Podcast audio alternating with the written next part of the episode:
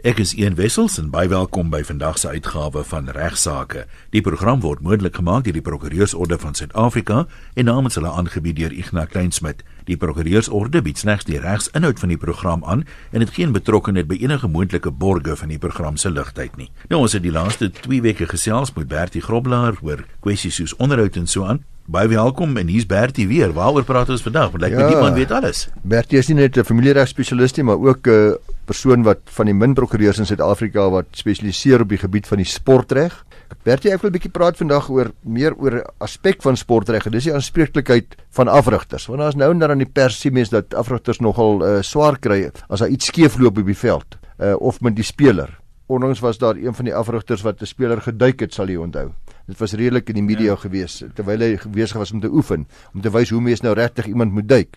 Dit het geweldige regsreperkusies as afrigters nie hulle plig te verstaan nie. So eerstens net onderwyser afrigters behoort genoegsaam ingelig te word oor die moontlikheid dat hulle aanspreeklikheid kan opdoen in die geval van beserings ook tydens oefening.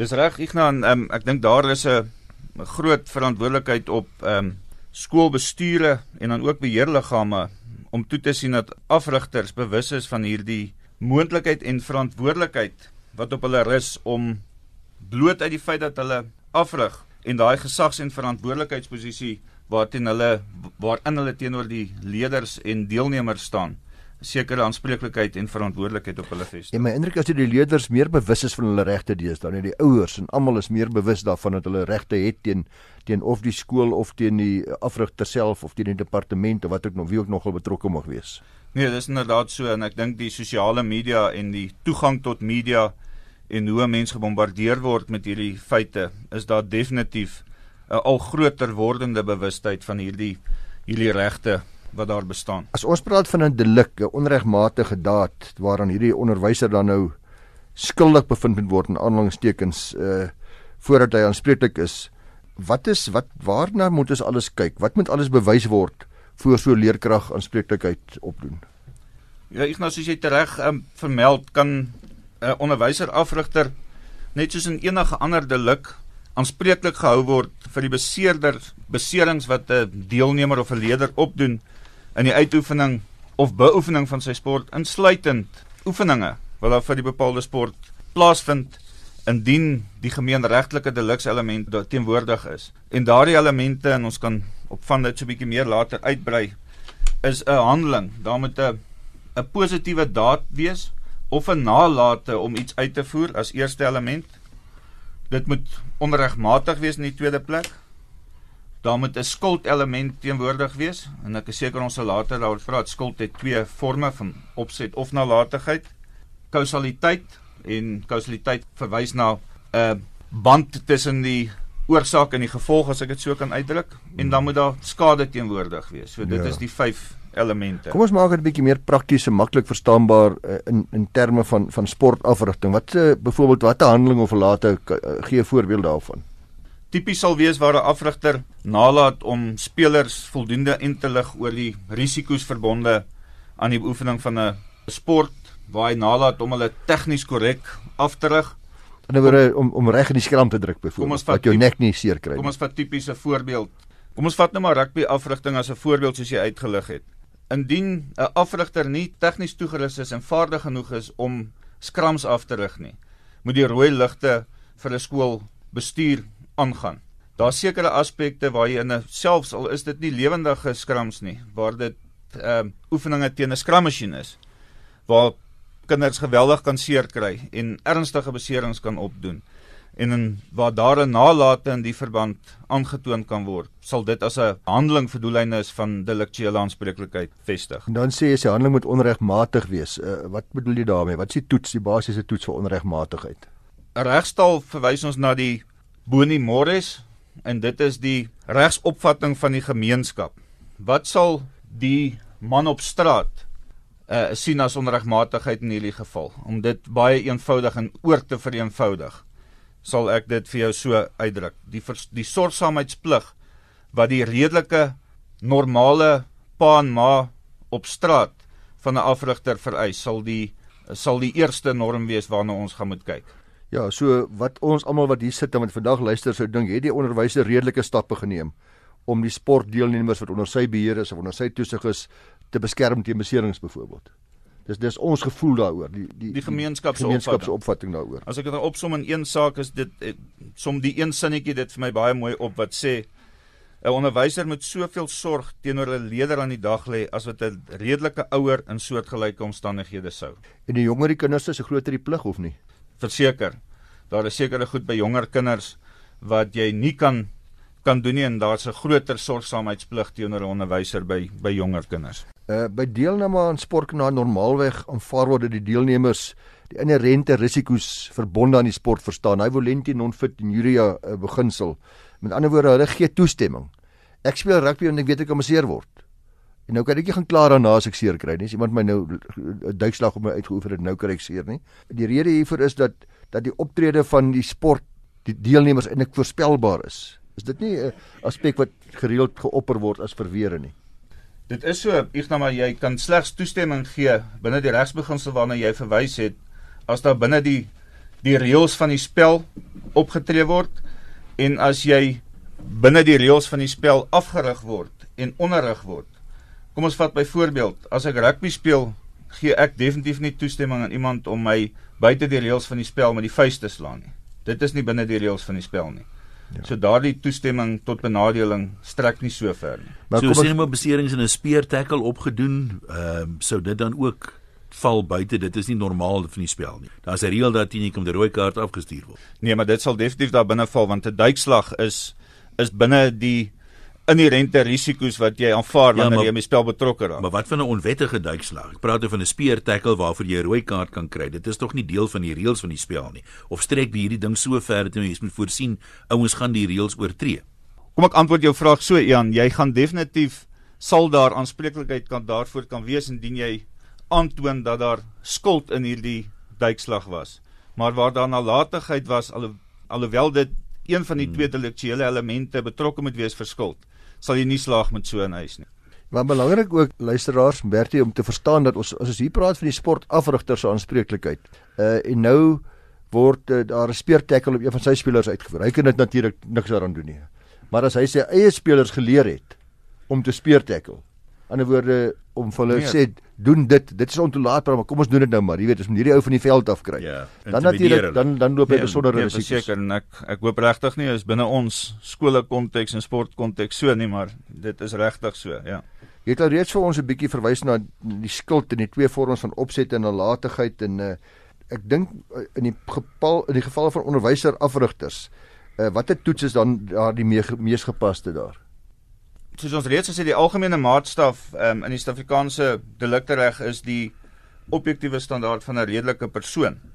In spesifieke omstandighede van onderwyser afrigters is dit egter eerder gepas om die toets van 'n redelike deskundige as standaard te gebruik aangesien die toets vir afrigters verg 'n sekere uh, vorm van deskundigheid. Nou gaan ons terug na wat ons 5 minute terug gesê het na die aard van optrede wat verwag word die objektiewe standaard van redelikheid waar ons gaan kyk na sekere tegnieke in 'n in 'n sport.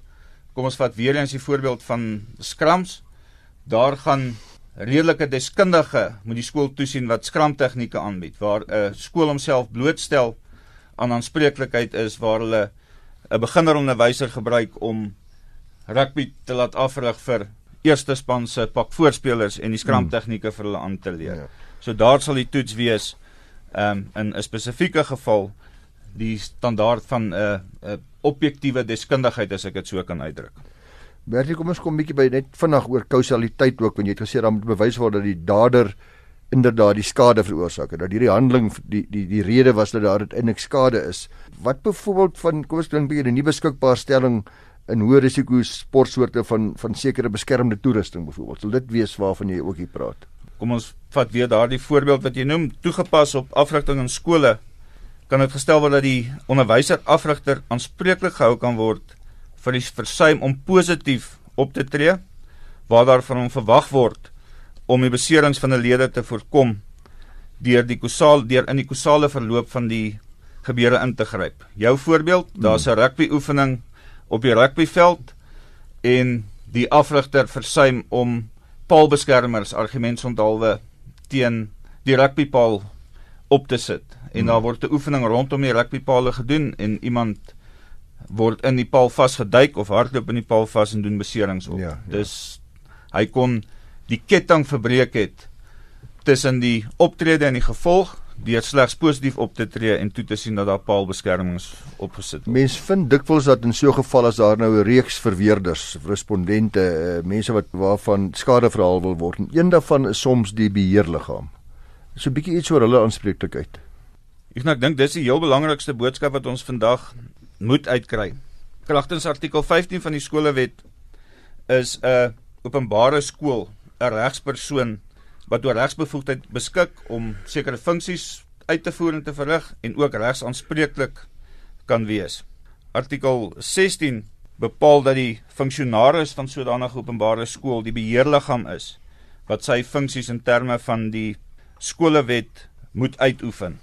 Wat ook uh, verder toepassing vir is vind is artikel 20 en 21 van die wet Artikel 20 bepaal die basiese funksies van 'n beheerliggaam van die skool wat behels die instandhouding, ondersteuning, verbeteringsfunksies. Dan artikel 21 op sy beurt bepaal bykomende funksies van 'n beheerliggaam en bepaal waarvoor openbare skool aanspreeklikheid kan opdoen. En dis sal ook sportaktiwiteite insluit. Jy slaan die spyker op. Jy sien want dan uh, net 'n bietjie artikel 60 is dit nie die belangrikste een nie wanneer dit kom oor wanneer ons praat leerders wat beseer word nie in die verlede was daar wanpersepsie gewees en ek self het op 'n stadium in die begin van my praktyk in hierdie geglo dat die beheerliggaamslede gesamentlik en afsonderlik gesamentlik en afsonderlik aanspreeklik kan wees vir gevalle van sportbeserings. Dit is nie die geval nie. Daar's nou in 'n uh, 'n Vrystaat beslissing van die departement van onderwys deur teen Lou dit duidelik uiteengesit en gestel dat artikel 60 bepaal dat die staat aanspreeklik is vir enige skade of verlies wat voortspruit uit optrede of late nalate wat verband hou met enige aktiwiteit van 'n openbare skool uitgevoer in die normale verloop van 'n openbare skool se dag tot dag onderrig wat insluit sportaktiwiteite soos jy nou daarna verwys het. Ter afsluiting Bertie, miskien net voorbeelde van hofsaake waar hierdie verantwoordelikheid en uh, pligte van sportafrigters ter sprake gekom het? Ja, ek gaan net vir jou twee uitlig. Daar's 'n saak van Libbe en Jacobs wat gerapporteer is waar 'n uh, graad 7 leier ernstige beserings opgedoen het toe 'n uh, hokkiebal om in die gesig getref het. Die leier se ouers het aangevoer dat die afrigter aanspreeklik gehou moes word aangesien hy nie die leerders genoegsaam ingelig het oor die risiko's wat daar aan hierdie sport hokkie verbonde is nie. Maar meer spesifiek die risiko wat daar is wanneer jy rondom die veld as 'n toeskouer of 'n bystander is nie. Die hof het egter in hierdie geval in die guns van die skool en die opvoeder of die afrigter beslis op grond van die feit dat die leier oud genoeg was om bewus te wees van die risiko's wat verbonde is aan die beserings wat uit die betrokke insident kan voortvloei. Wat in hierdie geval gebeur het, die afrigter het die leier gestuur om sy baadjie te gaan haal en hy het agter om die baan gehardloop en daar was ehm um, toerusting wat gestaan het en 'n hokkiebal is geslaan en hy het hierdie toerusting getref en opgeskiet en hom in die gesig getref.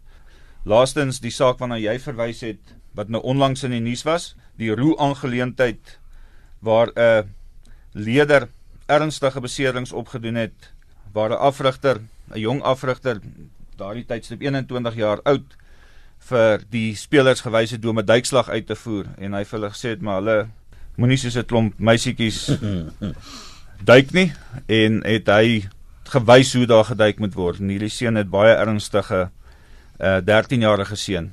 Het baie ernstige beserings opgedoen toe ehm um, hierdie afrigter hom geduik en na hulle is bevind teen hierdie afrigter en op die einde van die dag het nou gepraat oor die sportreg, maar Bertie is rustyd vervang. Hy het nie 'n impakspeler opgestuur nie.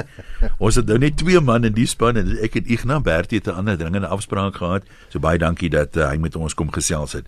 Ignas, nou hoe sê hulle ek en jy en ons ons twee daar in die Kaap? Vir die laaste helfte van die program 'n paar algemene dinge of wat het ja, jy beheer? Ja, so 'n bietjie hofsaakie of wat en uh, sommer iets interessants wat ek wil sê oor die onwettige besit van ammunisie en die bewyslas daar. Ek dink belangrik is vir ons luisteraars is Hawie versus Nielande dan dan met sosiale media. Ons praat deesdae al hoe meer daarvan Jan want dit word werklik baie prominent in ons uh, regspraak. Jou reg op privaatheid uh, by die werksplek. Nou, hierdie was interessant een, maar die Hof in die, in die Oos-Kaap het hierdie uh, uitspraak gelewer en die hof moes kyk na die fundamentele reg op privaatheid van werknemers in die konteks van die hele sosiale media situasie in die netwerk. Nou, in hierdie saak uh, onlangs in die laaste deel van 2015 was meneer Hawie en die eerste respondent meneer Nieland die enigste lede van 'n beslote koöperasie, Hunters Hill Safaris BK. Nou, hulle het professionele jagdienste gelewer, hierdie BK van die twee manne. En Nieland was in diens van Hunters Hill. Hy was 'n professionele jagter, het ook safaris gelei, as gids opgetree en tot en met so die middel van 2015.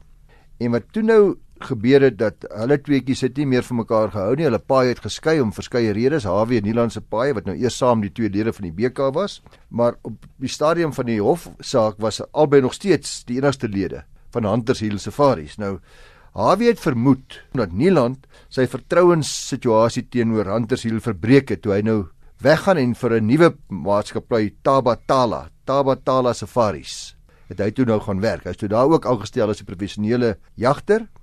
Dis 'n besigheid wat in direkte kompetisie is met natuurlik die bestaande BK Intersiel se besigheid. In dieselfde omgewing min of meer. Ja, wel hulle dieselfde mark wat hulle bedien. Ja, goed. Is maar 'n redelike beperkte mark die professionele jagtersmark. En hy het natuurlik toe vermoed dat uh, hierdie besigheid in direkte kompetisie is, dat daar ook dan nou waarskynlik kliënte gelok word weg van Intersiel af na die nuwe besigheid toe. En dit nie mag gebeur nie want daar steeds 'n vertrouensverhouding met die BK want hy steeds 'n lid van die beslote koöperasie van Huntersiel nou werk hy direk teen Huntersiel se belange. Hy tree dus in stryd op in sy vertrouenspligte daai ou die stryd of trader is altyd van praat uh, handelsbeperkingsklausule of die billikheid daarvan. Nou hy het aanvanklik net vermoed uh, hy het geen bewyse gehad dat hierdie vertrouensplig geskend word teenoor die teenoor sy BK nie maar 'n ander werker toe kom en sê meneer ek het 'n slim plan uh, uh ek het die inteken besonderhede in wagwoord van Nieland se Facebookblad en Hawe toe nou sonder Nieland se toestemming ingeteken op sy profiel en die inligting daar afgelaai vanaf sy Facebook se e-pos boodskappe as bewys wat hy in die hof kon gebruik van dat Nieland werklik aktief besig was om al die bestaande kliënte van Huntersiel of sommige bestaande kliënte van Huntersiel te werf vir sy nuwe plek Tabatala. Nou die hof moet nou beslis of hierdie kommunikasie wat onwettig sonder toestemming vanaf Nieland se Facebookblad gekry is, toegelaat kon word as getuienis dat die vertrouensplig nou verbreek was. Die regter ja. Plaskit moes hieroor besluit. Dit is amper soortgelyk aan die gevalle wat jy baie kry in strafsaake waar die polisie sonder 'n lasbrief vir huis deursoek nou kry hulle sekere goed maar dis nog nie toelaatbare getuienis. Baie baie dieselfde en die regter sê hierso dat die gemeenregtelike reël van so 'n aard is dat getuienis normaal word. Dis 'n normale gemeenregtelike reël wat ons almal ken oor die jare heen dat as dit onwettig verkry is dat dit gebruik kan word maar onderhewig aan die diskresie van 'n regter wat telkens na verskeie faktore gaan kyk. Nou artikel 86 1 van uh, eh, 2002 wet, dis die wet op die elektroniese kommunikasie en transaksies. Bepaal dat 'n persoon opsetlik toegang verkry tot enige data of wat onderskep sonder magtiging of toestemming aan 'n misdryf skuldig is. Anderswys hier onderskep sonder toestemming toegang kry of wat onderskep eh, dan nou regte plesket het met 'n agname van 'n persoon se grondwetlike reg op privaatheid en hierdie artikel 86.1 wat ek nou na verwys het, het hy daarna gekyk en hy het steeds bevind dat nie teenstaande die die wetse bepaling en nie teenstaande die gemeenregtelike reg op privaatheid moet mense nog bietjie weier gaan kyk. Jy moet al die faktore in konteks gaan sien om te gaan bepaal hoe hierdie regter sy diskresie moet uitoefen om te sê of hierdie toepaslik is of gebruik kan word al dan nie. As jy moet kyk onder andere na die mate waarin en die wyse waarop die reg van die party se reg op privaatheid geskend word, jy moet kyk na die aard en inhoud van die wyse waar die inligting verkry is, dan moet jy sê men kyk die party wat die inligting onwettig verkry het, probeer dit om dit te bekom met 'n met 'n slegte manier, op, op 'n baie onwettige wyse dit gedoen het. En jy moet ook kyk of die doel nie dalk die middele noodwendig regverdig nie. Dis 'n belangrike een in die laaste ene. Regter het toe beslis dat Hawie inderdaad onregmatig opgetree het, geen twyfel daaroor nie. Hy het teen hy het dit onwettig verkry en hy sê hy definitief Nieland se reg op privaatheid geskend, maar Die regter gaan toe verder deur te bevind uh, verwys na ander sake, 'n uh, ander saak van Gertner en ander teen die minister van finansies in 2014 waar die hof onder andere beslis het dat ek haal aan privacy like other rights, is not absolute. As a person moves into communal relations and activities such as business and social interaction, is waarvan jy so praat sosiale media. As jy daar in daai rigting in beweeg, as jy daar sosiale media begin rondspeel, sê die saak, then the scope of personal space shrinks. Jy maak jouself net 'n bietjie oop. Jou persoonlike spasie word nou baie kleiner want jy gaan op hierdie sosiale uh, netwerke. What it means is that the right is attenuated, not obliterated, and the attenuation is more or less depending on how far into what one has strayed for the inner sanctum of the home. So Nederlandse gedrag sê die hof het in hierdie saak 'n deursiggewende rol gespeel. Regter Pleskert bevind dat Nederland strydig opgetree het met sy vertrouensplig, mee te begin, en dat daar genoegsame redes bestaan en hy het hom op hierdie sosiale media beweeg. En hierdie saak sê dan word mense privaatheid so bietjie minder as ander ouens inne. Jy kan nie meer op dieselfde wye private konstitusionele regte staat maak as wat ander mense kan nie. En dan moet jy kyk na die redes daarvoor. Meneer, jy was stout, jy het oortree, jy het dit opsetlik gedoen, jy het geweet jy jy, jy tree teen jou vorige BK se se belange op en uh, en daarom sê die hof daar's genoegsame redes dat Dawie inbreuk kon maak op Niemand se reg tot privaatheid en dit word beskou dat daardie getuienis dan aanvaarbaar is en gebruik kan word om te bepaal wat die uitslag moet wees. Ja, dis nogal dis nogal 'n baie interessante een. Baie baie interessante saak. Nog so kortetjie? Dan is daar die onwettige besit van ammunisie en die vraag is wanneer 'n persoon aangekla word van onwettige besit van ammunisie of vuurwapens, hoe daardie bewyslas is wat die staat dra. Want dit is krities vir die staat en ek het dit nie besef voor Willem van der Merwe daarmee ons nie vir my dit uitgewys het nie. Dat hulle nogal dit baie moeilik om te bewys dat ek en jy in besit is van onwettige ammunisie en daai bewyslas is nogal rof. Daar's 'n klomp definisies van 'n patroon byvoorbeeld. 'n Patroon is 'n voorbeeld bestaan uit 'n patroondop, 'n slagdop en 'n dryfmiddel en koel.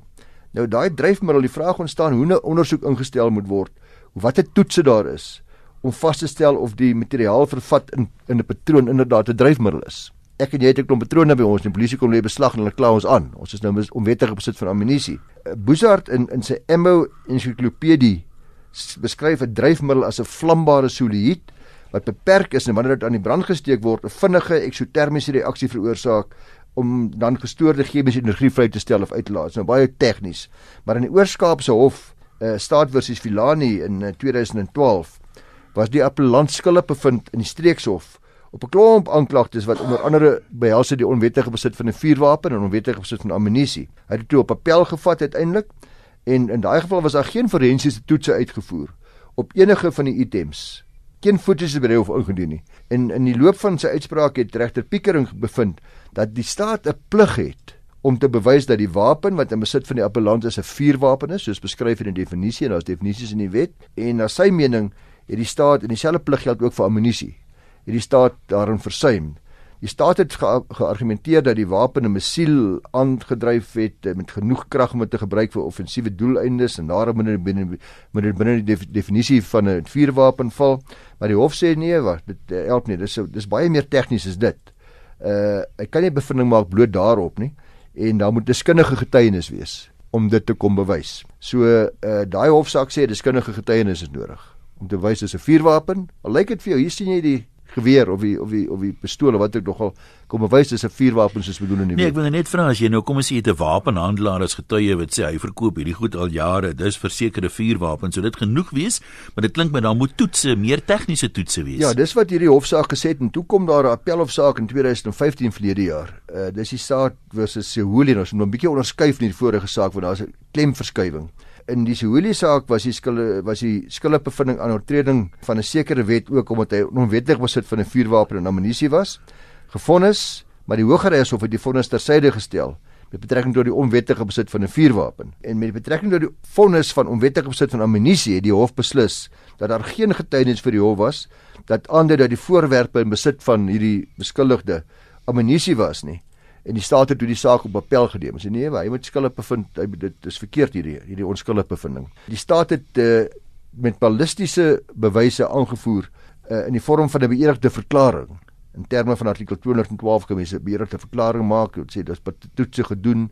Ek is 'n kenner en ek is 'n deskundige ensovoorts en die regter het bevind dat dit ongetwyfeld is dat alhoewel er daar 'n ballistiese verslag was uh, om te bewys dat dit inderdaad ammunisie daarstel, is daar geen verpligting in elk geval op die staat om sulke bewyse te produseer in elke liewe saak presies wat jy nou vra. Sê wat daar baie ander voldoende bewyse is waar dit duidelik is dat dit eintlik ammunisie is en dat dit behoorlike werkende vuurwapen was wat gevind word. Hy het nou pas byvoorbeeld afgevuur gewees. Jy weet daai soort van ding.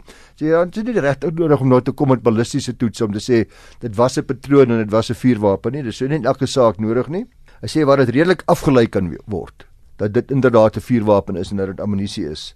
So hy sê die Hogeregs hof het uh, ook gefouteer in die bevinding dat 'n ballistiese verslag die enigste manier is om te bewys dat 'n misdryf gepleeg is. So 'n bietjie teenstrydig die twee, maar nogtans gevolglik sal die staat uh, wel kan op 'n beëdigde verklaring van 'n ballistiese uh, spesialis of 'n tegnikus staat maak in 'n poging om te bewys dat 'n gekonfiskeerde vuurwapen en ammunisie inderdaad voldoen aan die definisie soos gegee in die wet en die rol hier van die ballistiese tegnikus is wat dieselfde rol is wat ons in gewone sake het van 'n deskundige.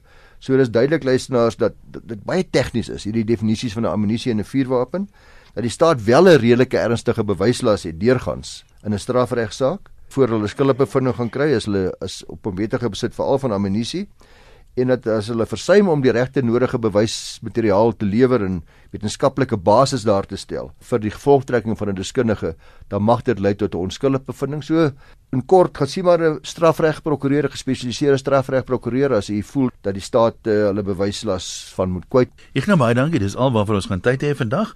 Regsaake word moontlik gemaak deur die Prokureursorde van Suid-Afrika.